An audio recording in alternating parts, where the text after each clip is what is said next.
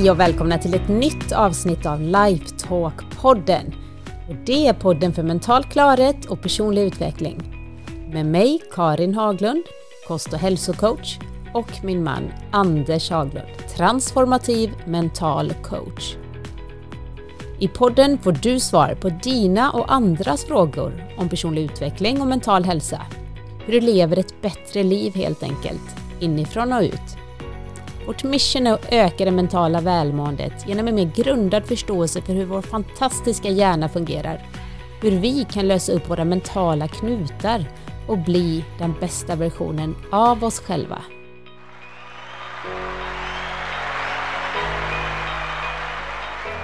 Hej Anders! Hej Karin! Då var det dags igen. Ja, det var det. Lite poddande. Ja, dags Ja. för lite podd.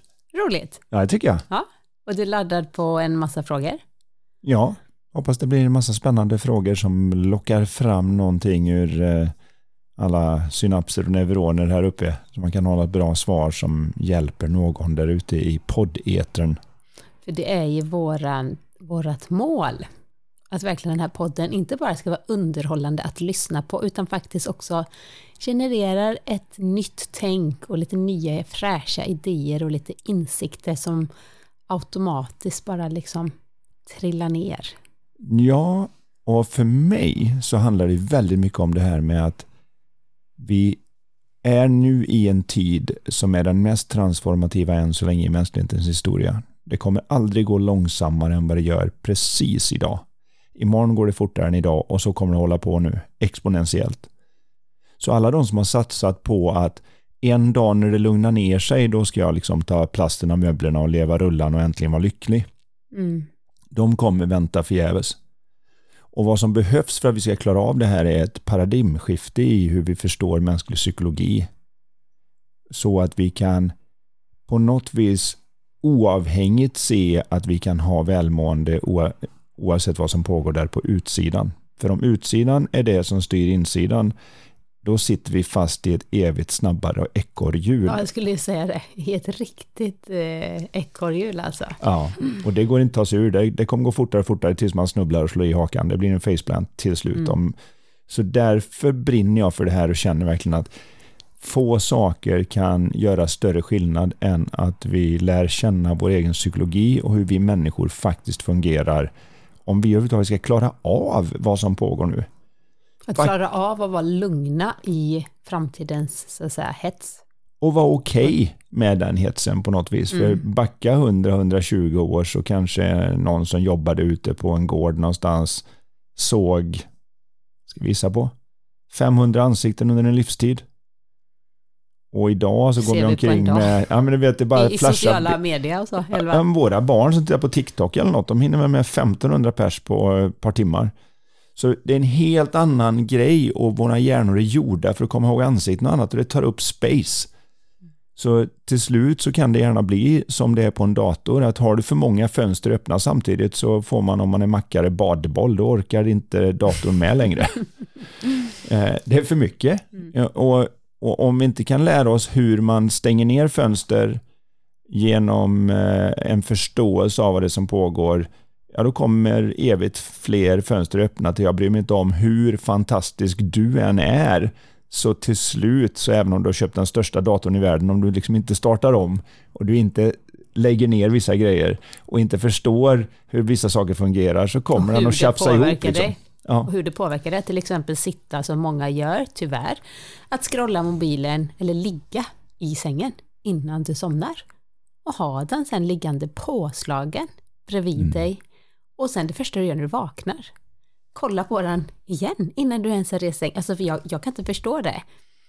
Det är lätt att förstå Nej, men, med nej, tanke jag på menar hur alltså det, otroligt beroendeframkallande Ja.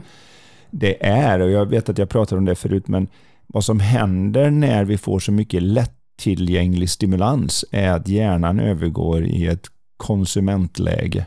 Mm. Där den helt enkelt bara konsumerar nya upplevelser som innan hade varit svåra att komma åt. Alltså den typ av upplevelse man anna- numera kan få in i ett vanligt spel på mobilen hade du liksom fått åka ner på safari i Afrika för att få samma typ av stimulans hela tiden och då hade ändå förmodligen spenderat tio timmar med att vänta på att det ska synas en elefant.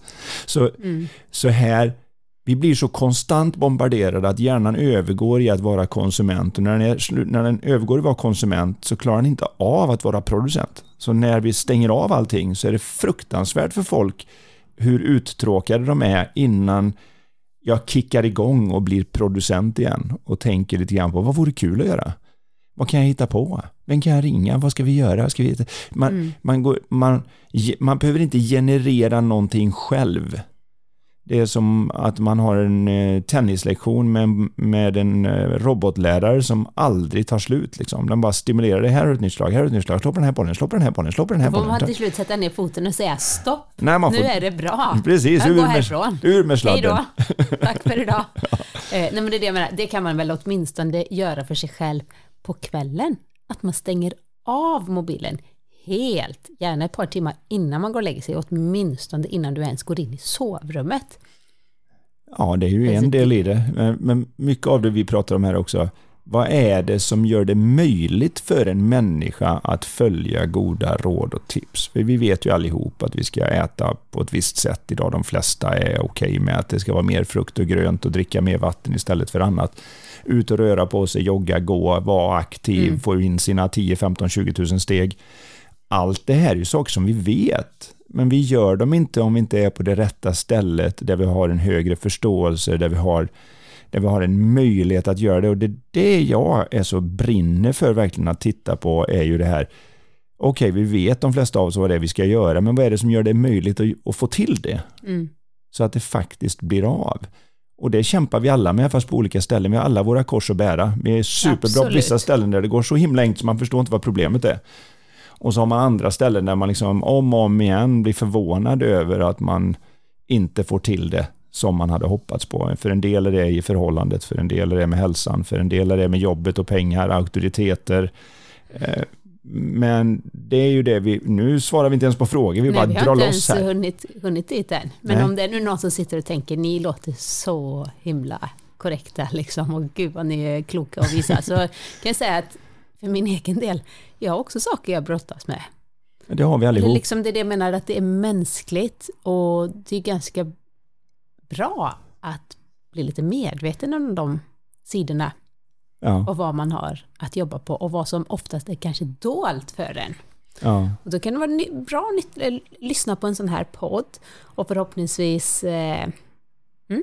Jag kommer ihåg på en föreläsning där jag svarade lite skämtsamt, det var någon som frågade liksom, varför måste man ha så mycket problem? Jag har bara problem hela tiden, det kan inte vara mindre problem. Så jag, jag kan faktiskt tala om för dig exakt varför man har problem. Och den här personen var liksom, va kan du? Säg det, jag, bara för de tänkte att om varför det på det, då kan vi av med dem. Och då sa jag det att det som orsakar alla problem för alla människor är födsel. Ingen födsel, inga problem. Men om du är född så kommer du ha ständiga problem. Det börjar med att du har problem med att få till andningen, så därför skriker du som en galning när du kommer ut för att stärka upp lungorna så du kan ta dina första andetag. Sen ska du plötsligt gå från att sväva omkring i vätska till att vara nedtryckt av gravitationen och nu måste du vifta på armarna och bygga muskler så att du kan sätta dig upp och sen ska du ställa dig upp, sen ska du gå, sen ska du springa, sen ska, sen ska du, prata. prata och sen ska du lära dig sociala sammanhang och förstå vad en annan människa menar när de suckar på ett visst sätt och höjer på ögonbrynen att nu är de inte nöjda och du behöver gå efter och ta ett snack. Du ska lära dig alla de här små cuesen som är jätteklurigt men det är problem. Och vi har alla, när vi kommer sen till jobbet, då handlar det om en enda sak. Hur stora problem kan du lösa? För ju större problem du kan lösa, ju mer betalt får du.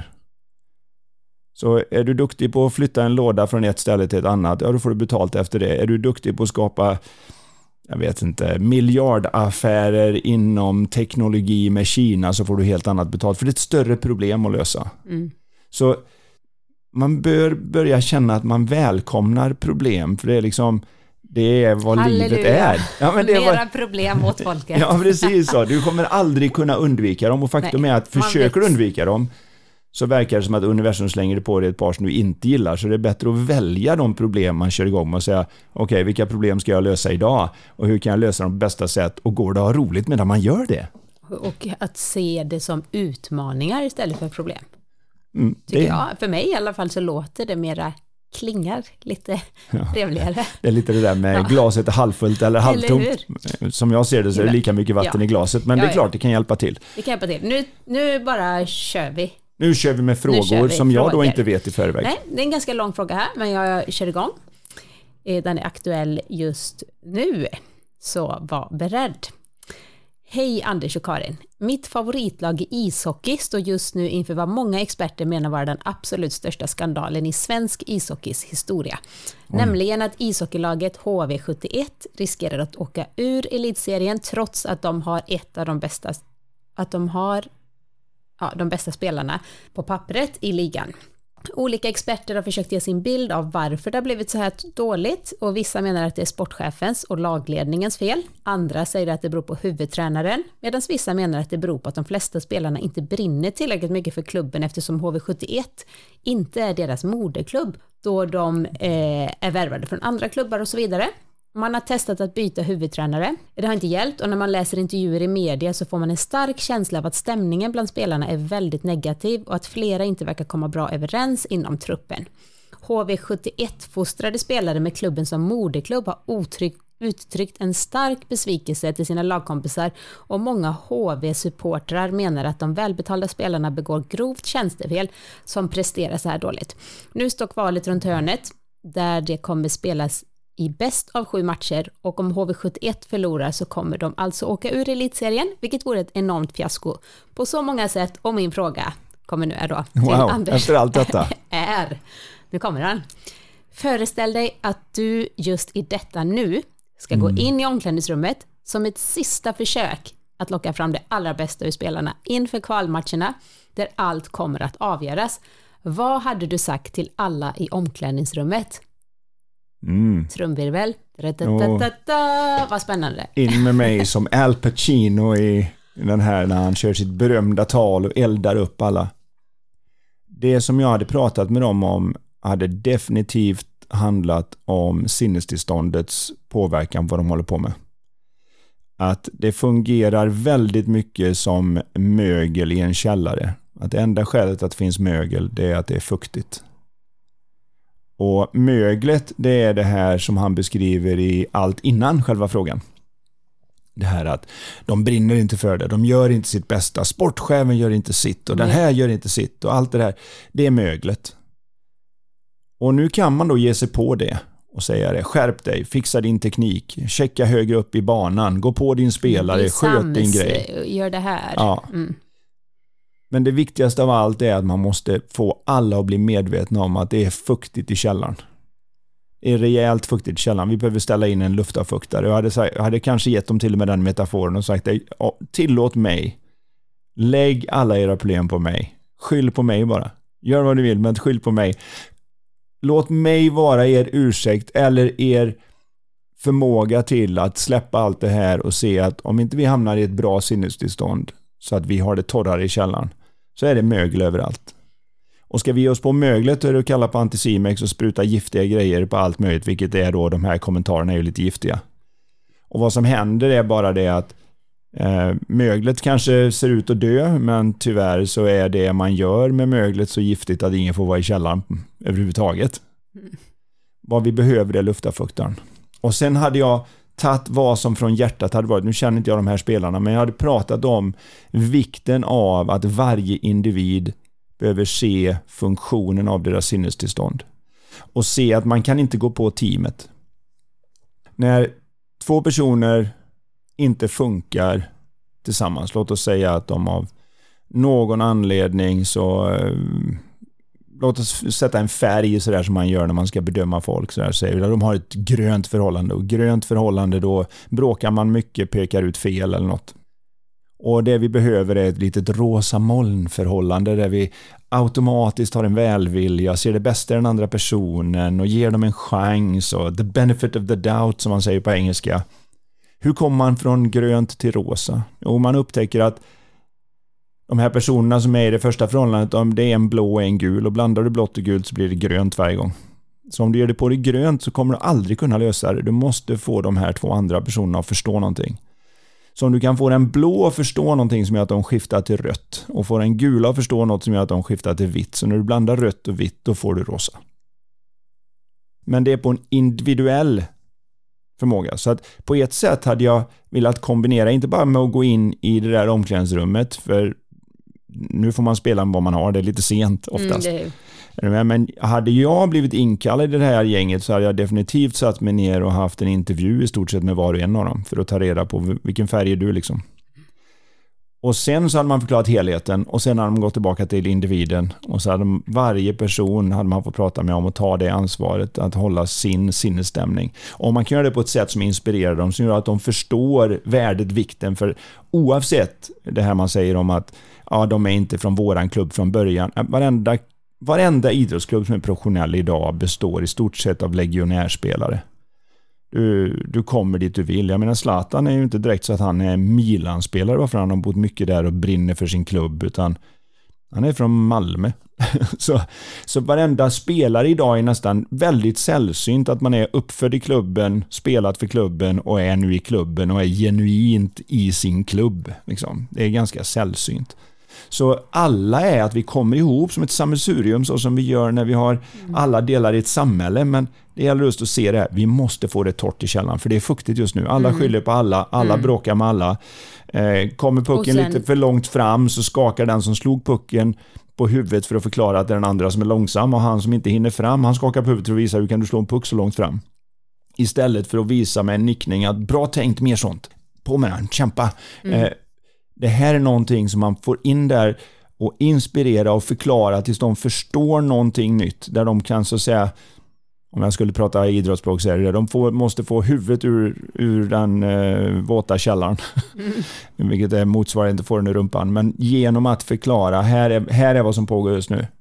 Eh, ni måste individuellt känna att jag måste hitta till ett bättre ställe där jag har välvilja till lagkamraterna. Där vi sluter oss mot gruppen utanför som kritiserar oss, för de vet inte när jag ska in och prestera på den där isen, då jäklar, eh, då är det, då är det på riktigt. Det är lätt att sitta på läktaren och skrika och säga hur kan du missa den där och så, men vi vet alla att gappet mellan att prestera på sin absolut högsta nivå och ner till att känna sig som en nybörjare, den är bara en tanke ifrån. Och när du är där nere och det är riktigt fuktigt i källaren, då kan alltså enkla saker som att komma ihåg sitt eget telefonnummer vara svårt. Men när man är där uppe så kan extremt svåra saker se så enkelt ut. Så de behöver ju inte ett taktiksnack, de behöver inte ett tekniksnack, de är professionella spelare, de kan det här. Mm. Det som behövs är precis som alla riktigt bra bra tränare förstår det, vad jag än kan göra för att få dem att släppa alla osäkra tankar. Och du får inte det, om du pressar på någon så får de mer osäkra tankar.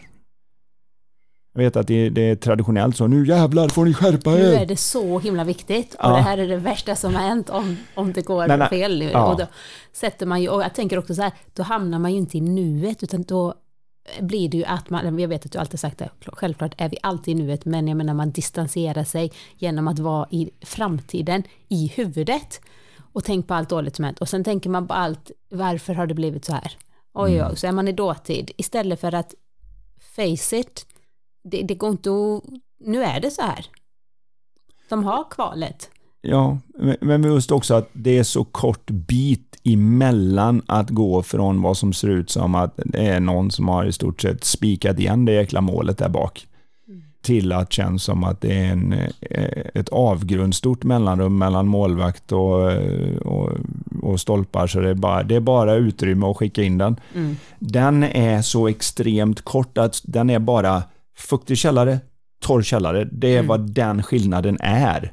Och väldigt många ser inte att det är det som faktiskt händer. Att det blir lite för hektiskt uppe i huvudet. När det blir hektiskt uppe i huvudet ser allting hektiskt ut på utsidan.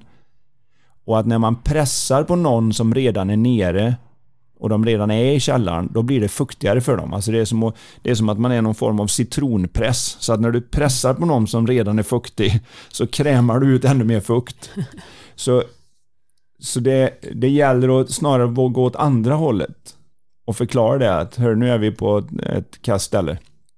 Och nu, nu gäller det. Så vad jag skulle vilja se nu det är att vi slappnar av spelar ut. Vi har materialet. Vi pratar inte om att man skulle på något vis eh, eh, undervärdera motståndet eller något liknande, men vi vet att vi funkar som allra bäst som i alla idrotter om vi slappnar av lite mer mellan öronen. För att så länge som vi är anspända mellan, i huvudet eh, så blir det lite grann att be någon att skärpa sig i det läget det är som att be en lam människa att ställa sig upp i en rullstol. Och de kommer bara säga, jag försöker men jag kan inte. Jag, jag hade till och med, jag har haft flera hockeyspelare just som jag har coachat där man just får den här att jag börjar helt okej okay idag men okej okay var inte okej. Okay. Vi, vi ska ju in i slutspelet där vi ska göra det här nu. Och då gör jag allt jag vet och allt som tränaren gör för att skärpa till mig och då går det sämre. Så då tar jag ifrån tårna för att visa hur mycket jag bryr mig och att jag är en vinnarskalle och jag verkligen, det här ska vi fixa tillsammans och då går det riktigt skit. Och då kan jag bli så frustrerad och arg så man bankar av klubbor och dunkar hjälmen i plexi och går in och knuffar på alla när man ska sätta sig ner. Och sen så när man väl lugnat ner sig från det så skiter man i det för nu, nu kan det inte gå sämre och då går det bra igen. Och det svåra är att se den röda tråden i det och det är just det här att hur mycket det än känns som att nu är det extra viktigt så är det ett tillfälle där vi är tvungna att se, kan jag slappna av lite grann här? Kan vi få det torrt i källaren igen? Och i samma stund som vi gör det så skiftar laget färg. Om varje individ skiftar. Jag tror att jag har haft det som metafor förut, att det är, det är som att se skillnaden på vatten och is. Enda skillnaden på vatten och is är, är det tillstånd som vattnet befinner sig i. Är det, är det kallt så blir det stelt och man kan banka folk i huvudet med det. Och är det i rumstemperatur så är det så smidigt som någonting är och det bara flyttar sig. Man kan sig. hälla det över huvudet på någon. Ja, man kan hälla det, kanske kyla ner huvudet på dem lite. Men, men det, alltså det snacket skulle jag ha med dem i mm. det omklädningsrummet, man fick komma in, att se, kan jag få dem att förstå något bättre som gör att det, det blir möjligt att göra någonting bättre. För att bara köra det där peptalket, oftast så faller det för döva öron om de inte redan är på ett någorlunda bra ställe. Så har mm. du ett lag som redan är på ett bra ställe och de ska möta det bästa av bästa av motståndare och de vet att det här är åtminstone 50-50 kan vi förlora det här. Mm. Då hjälper ett peptalk till bra. Liksom. Mm. Man kan elda upp dem lite, för de är redan på ett mm. bra ställe. Men att göra det med några som är nere i källaren, mm. det gör bara att du vrider ut handduken så du får ut resten av fukten. Så en mental luftavfuktare ja, det kan vi, det, det kan vi kalla det. Ja. Det kan vi definitivt kalla Spännande. det. Det är vad jag skulle gå in med där. Så det är väl svaret på den till långa frågan vad man skulle göra med, med gänget. Men det är samma som jag skulle göra oavsett vilket gäng som... Mm. Hade du tyckt att ett sånt här upp, hade du tyckt att det var kul att öppna dörren till det omklädningsrummet? För jag känner bara, ho, hade aldrig vågat gå in där. Ja, alltså, det, här är ju, det här är, är ju vad jag har gjort. Ja, det här är ju sånt som jag, jag har inga mm. problem med det för det är lite som när man pratar med säljare och de nästan hamnar till läget där de inte vågar säga hej till en kund och jag säger det, men vet du vad, om du inte frågar så är svaret alltid nej. Jag är väldigt, väldigt säker på att jag i varje fall inte kommer göra det värre där inne, så att vad jag än gör så kommer jag gå ut därifrån och det kommer inte vara värre. Det innebär att jag, går, jag har en uppsida utan någon nedsida i det här läget. Så att för mig så är inte den situationen speciellt jobbig. Och jag tror att alla förstår att i det här sista läget som han, han säger så är det lite mm. av en Hail Mary som man kallar det i amerikansk fotboll, där man bara slänger iväg den. Man är tvungen att försöka göra något. Men det viktigaste här är att, att, att hitta att när, när de är på det ställe de är, då är allting fel. Och du kan inte försöka göra det rätt, utan du måste ta ett snack med varje person om deras personliga ansvar för det sinnestillstånd de tar med sig in mm. i situationen. Och om de kan göra det så kan en femma i taget eller alla femmor på en gång kan, kan få till det. Och plötsligt så ser det ut som magi vilken skillnad det är. Precis som i basket när man gör en timeout. Inte pratar om var de ska screena, var de ska pressa och taktik och teknik, utan man pratar om vad som helst annat. Man vet att de kan allt det. Mm. Det är något annat som är i vägen. Det är inte som om Michael Jordan börjar missa skott, att han inte vet var han ska hålla armen när han skjuter iväg skotten. Utan det är att någonting har hänt där även han har lyckats bli lite anspänd och annat. Om man kan hitta lite humor, avväpna situationen och så att säga lätta på trycket så är, är allt det av godo. Så att eh, någon form av eh, snack, någon form av aktivitet och någon mm. del av utbildning där man får dem att förstå lite bättre. Eh, så de kommer tillbaka. Men att trycka, eh, trycka på någon som redan är i källan gör väldigt sällan något annat än att de blir än mer anspända och så att säga som en löpare bara springer långsammare av anspänningen. Mm. Det känns som de tar i mer, det känns som de gör allt för att springa fortare, men det går långsammare. Jag tänker verkligen på när jag började spela golf, eller när du fick mig att börja spela golf. Det är ditt fel, när jag ska ja. Sen eh, har det ju inte blivit så mycket av, av den varan. Av den varan. Men det var under några år innan vi fick barn. Mm. Eh, och jag kommer ihåg första gången jag överhuvudtaget skulle testa, precis när vi hade träffats, ja. att slå på en golfboll, för det hade jag aldrig gjort innan i mitt liv. Så satt jag ju först och kollade på dig och du hade en järnsjua, kommer jag ihåg. Och du, så här, eller hur det nu låter, låter kanske inte så. Men den flög så här jättefint så. Och jag såg, och jag är ju konståkning så att jag tänkte mer liksom på, ja, hur det såg ut så. Men jag, eller rättare sagt så här, jag tänkte inte. Nej. Det var det jag menade. Jag tänkte inte, jag satt och tittade på dig. Mm, snygging. och sen så sa du, här, testa. Va, ska jag testa? Tänkte precis ingenting. Och tänkte inte som sagt var på när jag såg dig. Och bara smacka iväg med din tunga järnsjua. Ja, med min herr, Alltså, herrklubba för ett proffs. Det här är mitt claim to fame moment. Där gick det faktiskt rätt långt. Ja. Och sen så wow, liksom, det var skit, det var jättebra. Ja. Ja, jag ska göra en gång till. Mm, och, ska, och sen försökte jag och försökte och försökte. Och ju mer jag försökte, desto mer bara duck, rulla bollen. Eller Mm. så... Men det, var, det är en jättespännande resa och kanske är det därför så många lockas av sporten golf. För att vi får uppleva den här mentala berg och dalbanan, vi får utmana oss själva, vi får gå till oss själva, vi får utvecklas som människor. Mm. För det blir så tydligt där. Men det gäller ju i alla sporter. Och det som kan vara kul att jämföra med då, jag vet ju att många hockeyspelare spelar golf, så det kanske är så att om det är någon som, av de som lyssnar på det här eller de tar upp den så är det just det här att nästan alla när de kommer ut de första varven på året spelar väldigt bra. För de vet om det, jag är rostig, jag har inte hållit i dem på länge. Jag, oj, det gick ju hyggligt. Och missar man en så är det mer som att ja, jag är inte så konstigt, man är lite rostig. Och så gör man inte så stor grej av det och så går man vidare och gör sitt bästa igen. Och det här ser man också i vad man kallar nybörjartur. Folk ska göra något första gången, de kommer lite urskrullande och säger jag har aldrig provat kasta pil förut eller nej jag har aldrig provat och, och, och man kan se hur de kan komma in i det ganska fräscht när man är nybörjare och då kallar man det ofta nybörjartur när plötsligt pilen sitter smack mitt i eller jag vet min pappa Eller som jag i Dubai, kommer du ihåg? Ja, När jag eh, höll i en pistol för första, ja, första och sista gången när du, antagligen. drog, ja, när du drog med mig till den där shooting rangen där borta. Det var ju faktiskt eh, rätt spännande. Och Ja. jag, var ju, jag var ju rädd för att ens hålla i den. Mm, Men jag tänkte, jag var ju totalt nybörjare. ja, Och bara nästan alla i den här röda jajamän. Det var helt Eh. fantastiskt. Här har man 15, 15 månader i lumpen och officershögskola och allt möjligt och det sköt nästan lika bra. Ja, Men just det här med att komma in med, och det kan också vara en grej i den situation vi har pratat om här, att se om man kan komma in lite mer av vad jag kallar med en beginners mindset, en, en nybörjarsyn på det hela, där man tar det fräscht från där man befinner sig och bara säger nu gör vi så gott vi kan. Inte försöker med avancerade grejer och annat, utan bara vi går ut och lirar så som man hade lirat om det här var nytt, fräscht, vi provar. mm. Det är ett sätt att ställa in luftarfuktaren. just det. Okej. Det är lättare sagt än gjort, för man vet ju vad det skulle innebära. Som de skriver här så har vi ju ord som katastrof och fruktansvärt och det sämsta någonsin och jag vet inte allt. Va? Det är ju en, det är ett sätt att så att säga krama citronpressen. Mm. Så då är det ju lättare sagt än gjort kanske att då gå in och säga nu gör vi bara så gott vi kan och så kör vi liksom. Så jag förstår att det här är enkelt men inte lätt.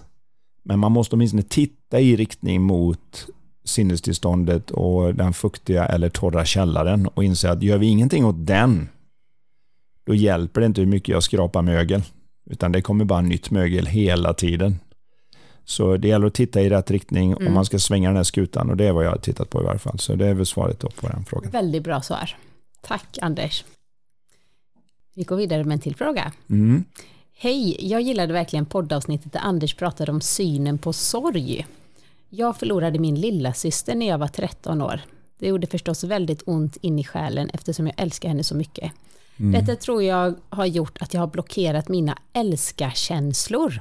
Ja. Till exempel om jag inte älskar en viss person som står mig nära så gör det mindre ont ifall personen dör. Hur kommer jag över detta och släpper in jag älskar dig-känslor? Tacksam för svar. Maria.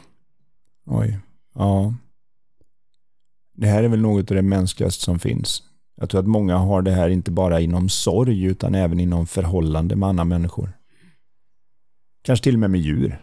Varför skaffa en hamster? Han ska ändå dö inom ett år. Liksom. Jag tänkte säga, det var förhållande med djur. Är Ja, inte förhållande med djur. Okej. Du, du tänkte på ett helt annat där. Tidelag och grejer. Nej, men vad jag, vad jag menar är bara det att många startar inte upp saker just för att de redan i tanken är före på att vad som händer. Varför ska jag gå fram och säga hej till den där personen som jag skulle vara intresserad av när de, vi ändå förmodligen bara ska ha kul några månader och sen så blir vi osams så ska vi bråka och så ska vi skilja oss. Det är ju en del som har den i förväg och de gör ju inte det för att vara cyniska, de gör inte det för att lägga sordin på livet, de gör ju de det, gör det som ett skydd. Sig, ja. Det är det bästa man har kommit på. Så vad man missar är ju det här att den mur jag bygger för att hålla smärtan ute är exakt samma mur som håller smärtan inne. Så hur jag än tar en titt på det så måste jag börja se att det finns inget sätt att skydda sig ur problemet utan man måste öppna sig ur problemet.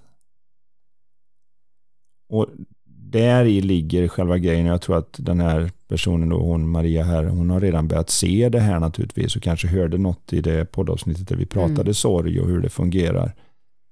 Att man måste se att det är vettigt att släppa. För innan det ser vettigt ut så spelar det ingen roll hur mycket jag har ansatsen att göra det så klarar jag inte det. Så fort jag blir lite skrämd så springer jag tillbaka och gör vad jag brukar. Så det måste finnas en ansats där, där jag ser att det spelar ingen roll vad som pågår i livet. Det spelar ingen roll om någon råkar skrämma mig. För ska vi vara riktigt, till exempel, ska vi vara riktigt sanningsenliga här så ja, det händer att den man älskar råkar ut för någonting. Ja, det händer att den man älskar inte älskar en tillbaka. Men ska vi då inte göra någonting? Ska, ska vi säga att nej, då, då gör jag ingenting istället? Alternativet är ju det här att man, man på något vis måste man fira livet mer än man sörjer döden. Är det inte lite samma sak som till exempel fokuserar man på att okej, okay, jag vågar inte åka bil för det är så mycket trafikolyckor. Mm. Så därför åker jag inte bil. Och sen ja. begränsar man sig. Och sen, ja, men jag vågar inte ringa till den personen för att eh, det och det. Och sen vågar man inte det. Och så utsätter man sig inte för det. Och det kan vara farligt och det kan vara farligt och det kan vara farligt. Och till slut, då har man bokstavligt talat inget liv kvar. Nej, man målar, man sitter, in, sig man målar in sig i ett hörn liksom. I ett mentalt hörn ett mentalt kan man hamna. Hörn. Och det här med att släppa in de älskarkänslorna är ju fullkomligt förståeligt när man då har råkat ut för det här mm. att kanske den person man står allra närmast går bort. Eh, när man har en lilla syster tror jag det var. Mm. Mm. Det blir ju inte så. När det händer så är det klart att jag vet inte hur gamla de var när det här hände dessutom. Nej, hon Maria var 13 står det. Sen ja, det står att hon var 13. Systern vet jag inte nej, då hur gammal nej. hon var. Men, det... Men oavsett, när man är 13 år så vet man ju precis hur man snirklar sig in och gör ett TikTok-konto och man vet hur man förmodligen hackar sig förbi skärmtiden i mamma och pappas telefon. Man vet ju inte ett skit om livet. Så när man då i 13 års ålder bestämmer sig för att ge den här händelsen en mening som är i stort sett att skydda dig själv och släpp inte in fullt ut för då kommer det göra så här ont igen. Mm. Och det gör man ju, bara så att alla hänger med på det, helt, det är inte medvetet nej, val, nej, nej. utan det är någonting som bara undermedvetet sker, ja. eller kan ske. Och nu tycker jag här, det är fantastiskt att Maria har kommit så långt att hon är medveten om att oj, så jag har nog byggt upp den här muren. Mm. Det är ju... Eh, det är stort i sig. Man, precis, då har man ju kommit till att för de flesta är ju inte är omedvetna om det. Ja, men just bara att man är med på också att det här är ett beslut som togs med underlaget från att vara 13 år. Mm. Och jag vill påstå att man ska uppgradera sina livsbeslut lite oftare. Det är lite som på eh, mjölkpaketet där det finns ett bäst före-datum. Det är klart att det är bra att bäst före-datum, eh, men öppna och kolla och lukta på det och se om det fortfarande är mm. fräscht, är det okej okay, och är det inte det så kasta ut det. Och lite samma sak är det här, att många tar beslut i barndomen där någonting hände som gick rakt emot och man hade inte resurserna att ta hand om det. Kanske inte hade någon riktigt bra att prata med heller, för jag kan tänka mig att föräldrarna är minst lika förstörda och kanske inte en resurs i sammanhanget där, där man kanske behövde en vuxen som kan mm. ta hand om det här. När, när det här händer, så när man sen blir vuxen, det finns ett bäst före-datum att så att säga skylla på sitt förflutna. Man behöver uppdatera, man behöver öppna den mjölkpaketen och luktar det lite illa om den så får man uppgradera och se hur hade jag hanterat det om det hade varit idag? Självklart smärtsamt, självklart jobbigt, men hade jag tagit ett beslut om hela livet där som man kanske gör. För det har man ju en tendens att göra. Menar, är man 14 år, kär för första gången och det slutar med hjärtekross, vilket det oftast gör. Det är väldigt få som är ihop med sin 14-åriga kärlek senare i livet. Okay, så det ofta slutar det med någon form av hjärtekross. Så känns det ju precis i det läget som jag ska aldrig mer vara ihop med någon. Och så någon vuxen säger nej, om du mister en så står det dig tusen åter och man tycker du ska bara skjutas för du är dum i huvudet som säger sånt. Mm. Och perspektivet med lite ålder som en 65-årig morfar eller någonting som håller om den här 14-åringen som precis har fått sitt hjärta krossat. Mm. De kanske inte har så mycket ord att säga men de önskar verkligen nästan att de skulle kunna trycka människan in i kroppen och säga det, jag önskar att kunna få mitt perspektiv. Mm. Jag förstår att det här är hela världen och ingen idé att ens försöka vara lycklig efter detta men jag vill ge dig mitt perspektiv. Att ett liv levt utan kärlek är liksom inte riktigt levt. Och det är det man känner, det är därför man sträcker ut handen. Man vet inte mm. hur man ska komma runt det. Men det gäller att förstå att de, det enda som hindrar här i det här fallet för Maria är ju det att det här gamla tankepaketet från 13-årsåldern sitter där som en grindvakt och säger hit men inte längre. oj, oj, oj. Och då blir man ju också dessutom lite rädd när man då kanske träffar någon och tänker, oh, där växte upp lite känslor i mig som så. Då blir man ju nästan så att, jag springer snabbt åt andra hållet. Mm. Det här vet jag inte om grindvakten klarar mest att ge sig av. Så då, då, då har man ju en tendens att avvisa först så att man slipper bli avvisad själv också. Och alla de här sakerna, det går inte riktigt utan att nu sitter vi allmänt här i en podd och pratar om det för alla människor, men för att riktigt komma ur det så är det att komma ihåg så att ingen annan människa kände Maria så bra som Maria kände sig, som har levt med sig själv hela livet. Och det som behövs är att man omorienterar sina egna tankebegränsningar, att man kan se igenom sina egna osäkra tankar och se att jag måste inte i trollslag gå från att vara orolig för att släppa in någon till att bara släppa in alla i hela världen så jag är kumbaya liksom. Utan att jag kan se att jag kan släppa på det här lite stegvis och jag kan sluta ta mina osäkra tankar på fullt samma allvar. Inte försöka få bort dem. För de kommer dyka upp när, när det blir lite nervöst och man känner att här är mm. någon jag skulle kunna tycka om. Då dyker de där tankarna upp. Och att försöka mota bort dem gör det bara värre. Det gör dem mer verkliga. Så det är bara att se, se det mer som att ah, där, där kommer mina små osäkra kärlekstankar.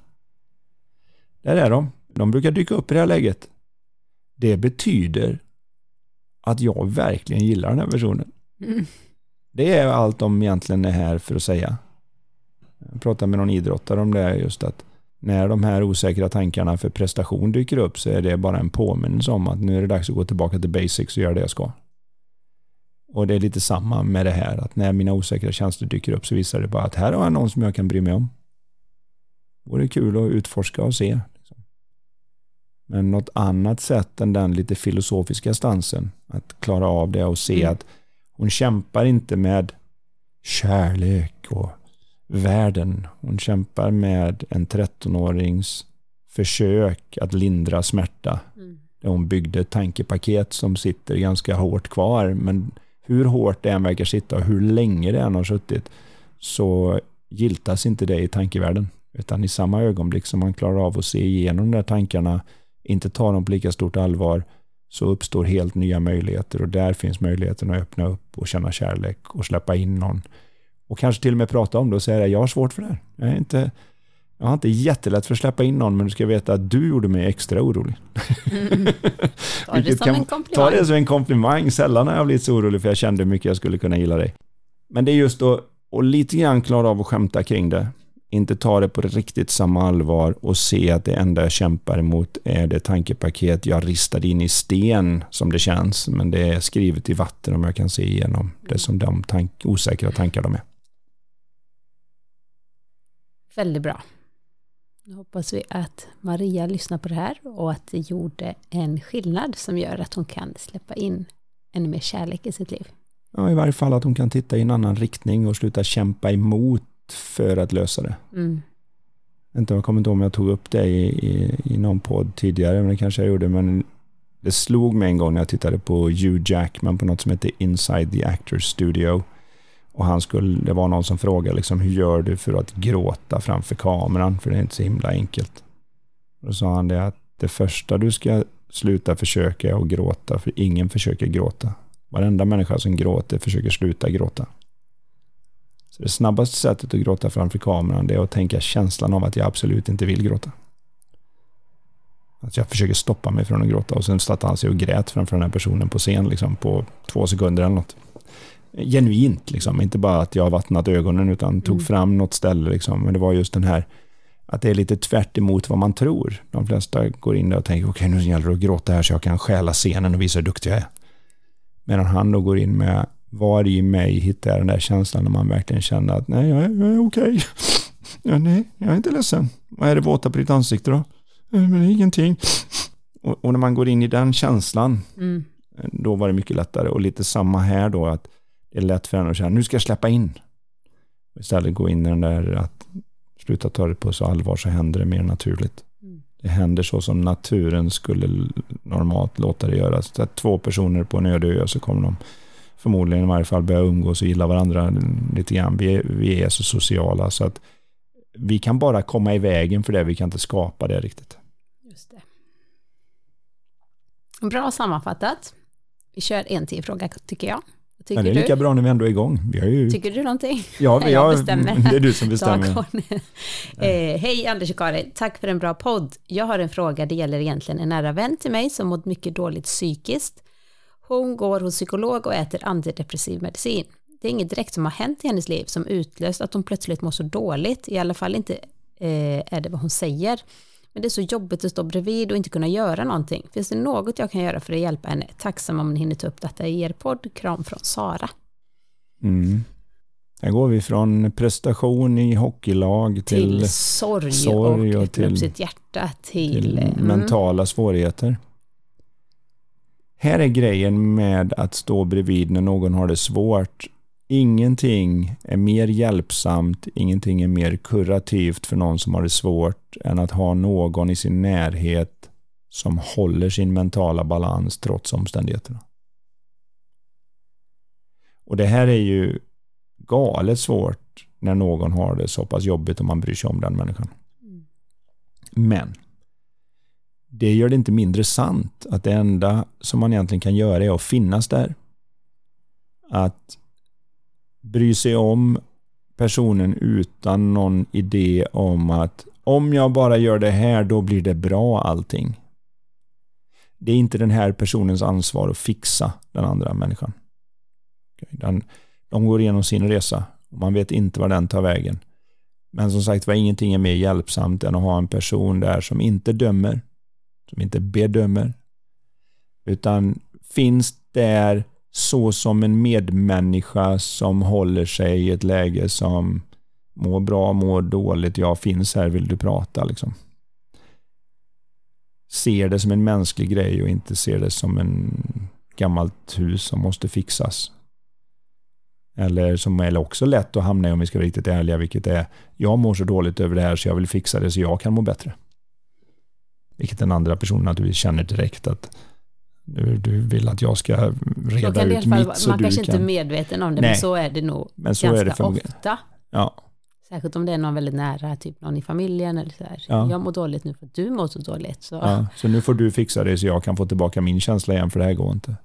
Och då hamnar man ju i samma typ av dans som de hamnat i omklädningsrummet i hockeyn. så, att säga.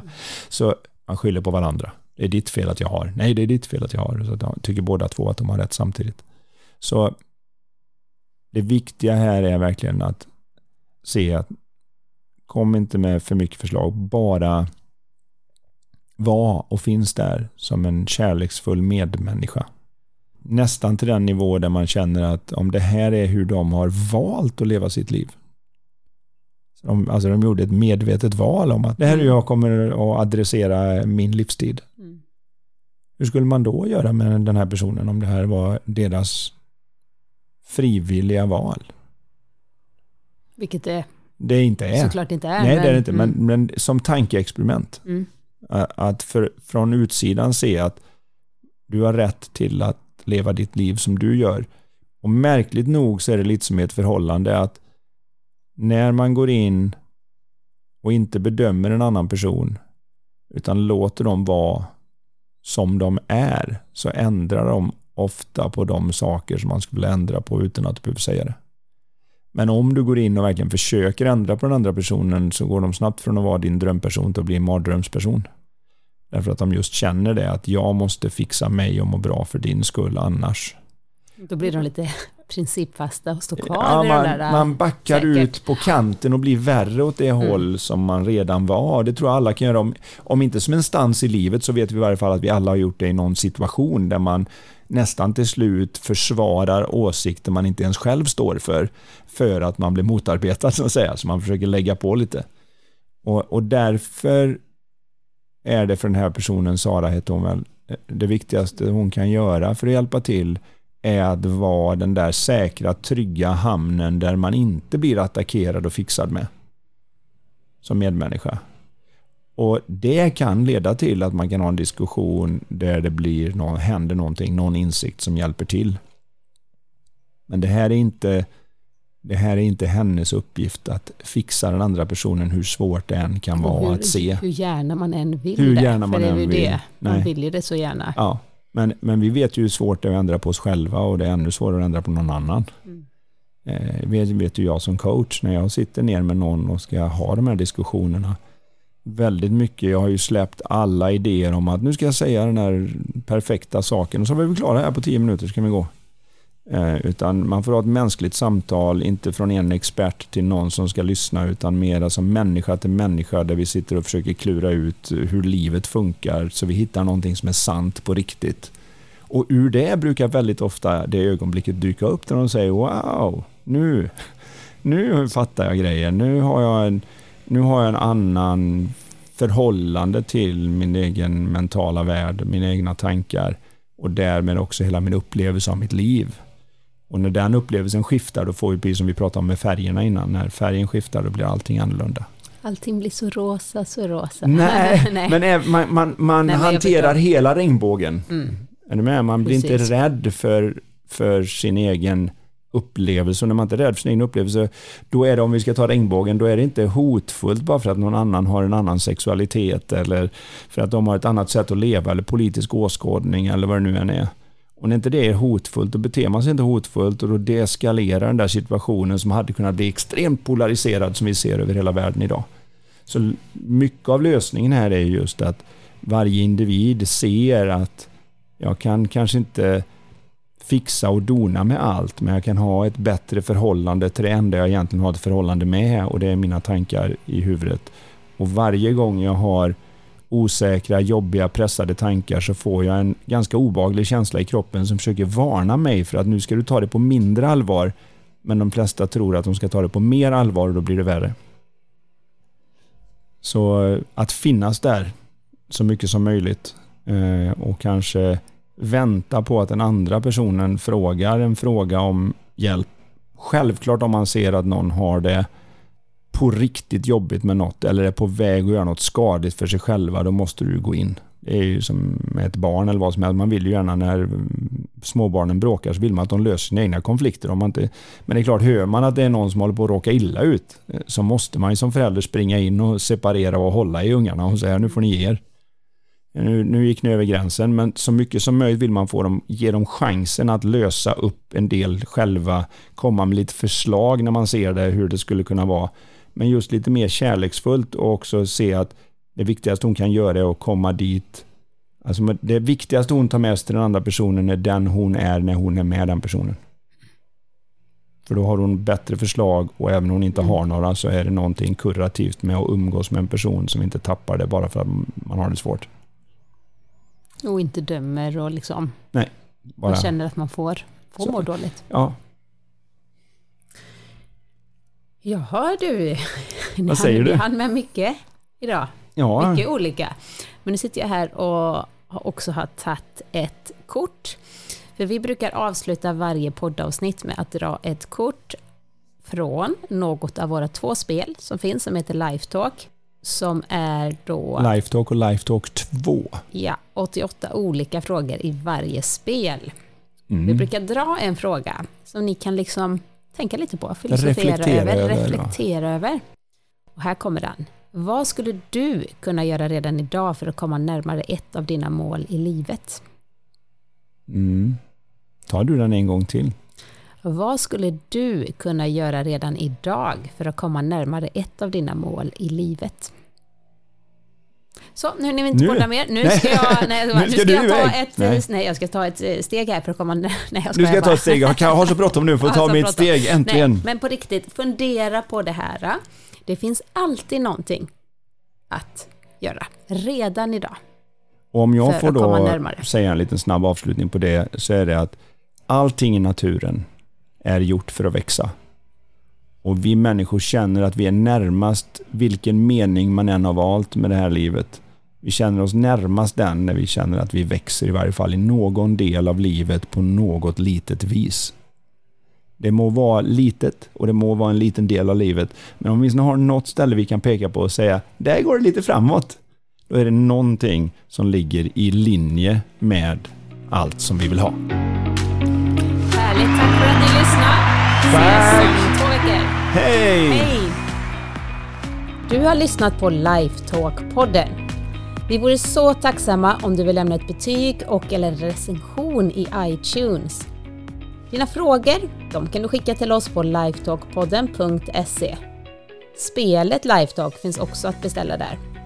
Vill du komma i kontakt med oss rörande samarbeten, coaching, föreläsningar och event? Då kan du mejla till karin.lifevision.se.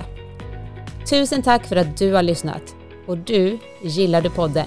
Dela den gärna vidare och tipsa om den i sociala medier. Låt oss tillsammans göra världen lite mer mentalt välmående.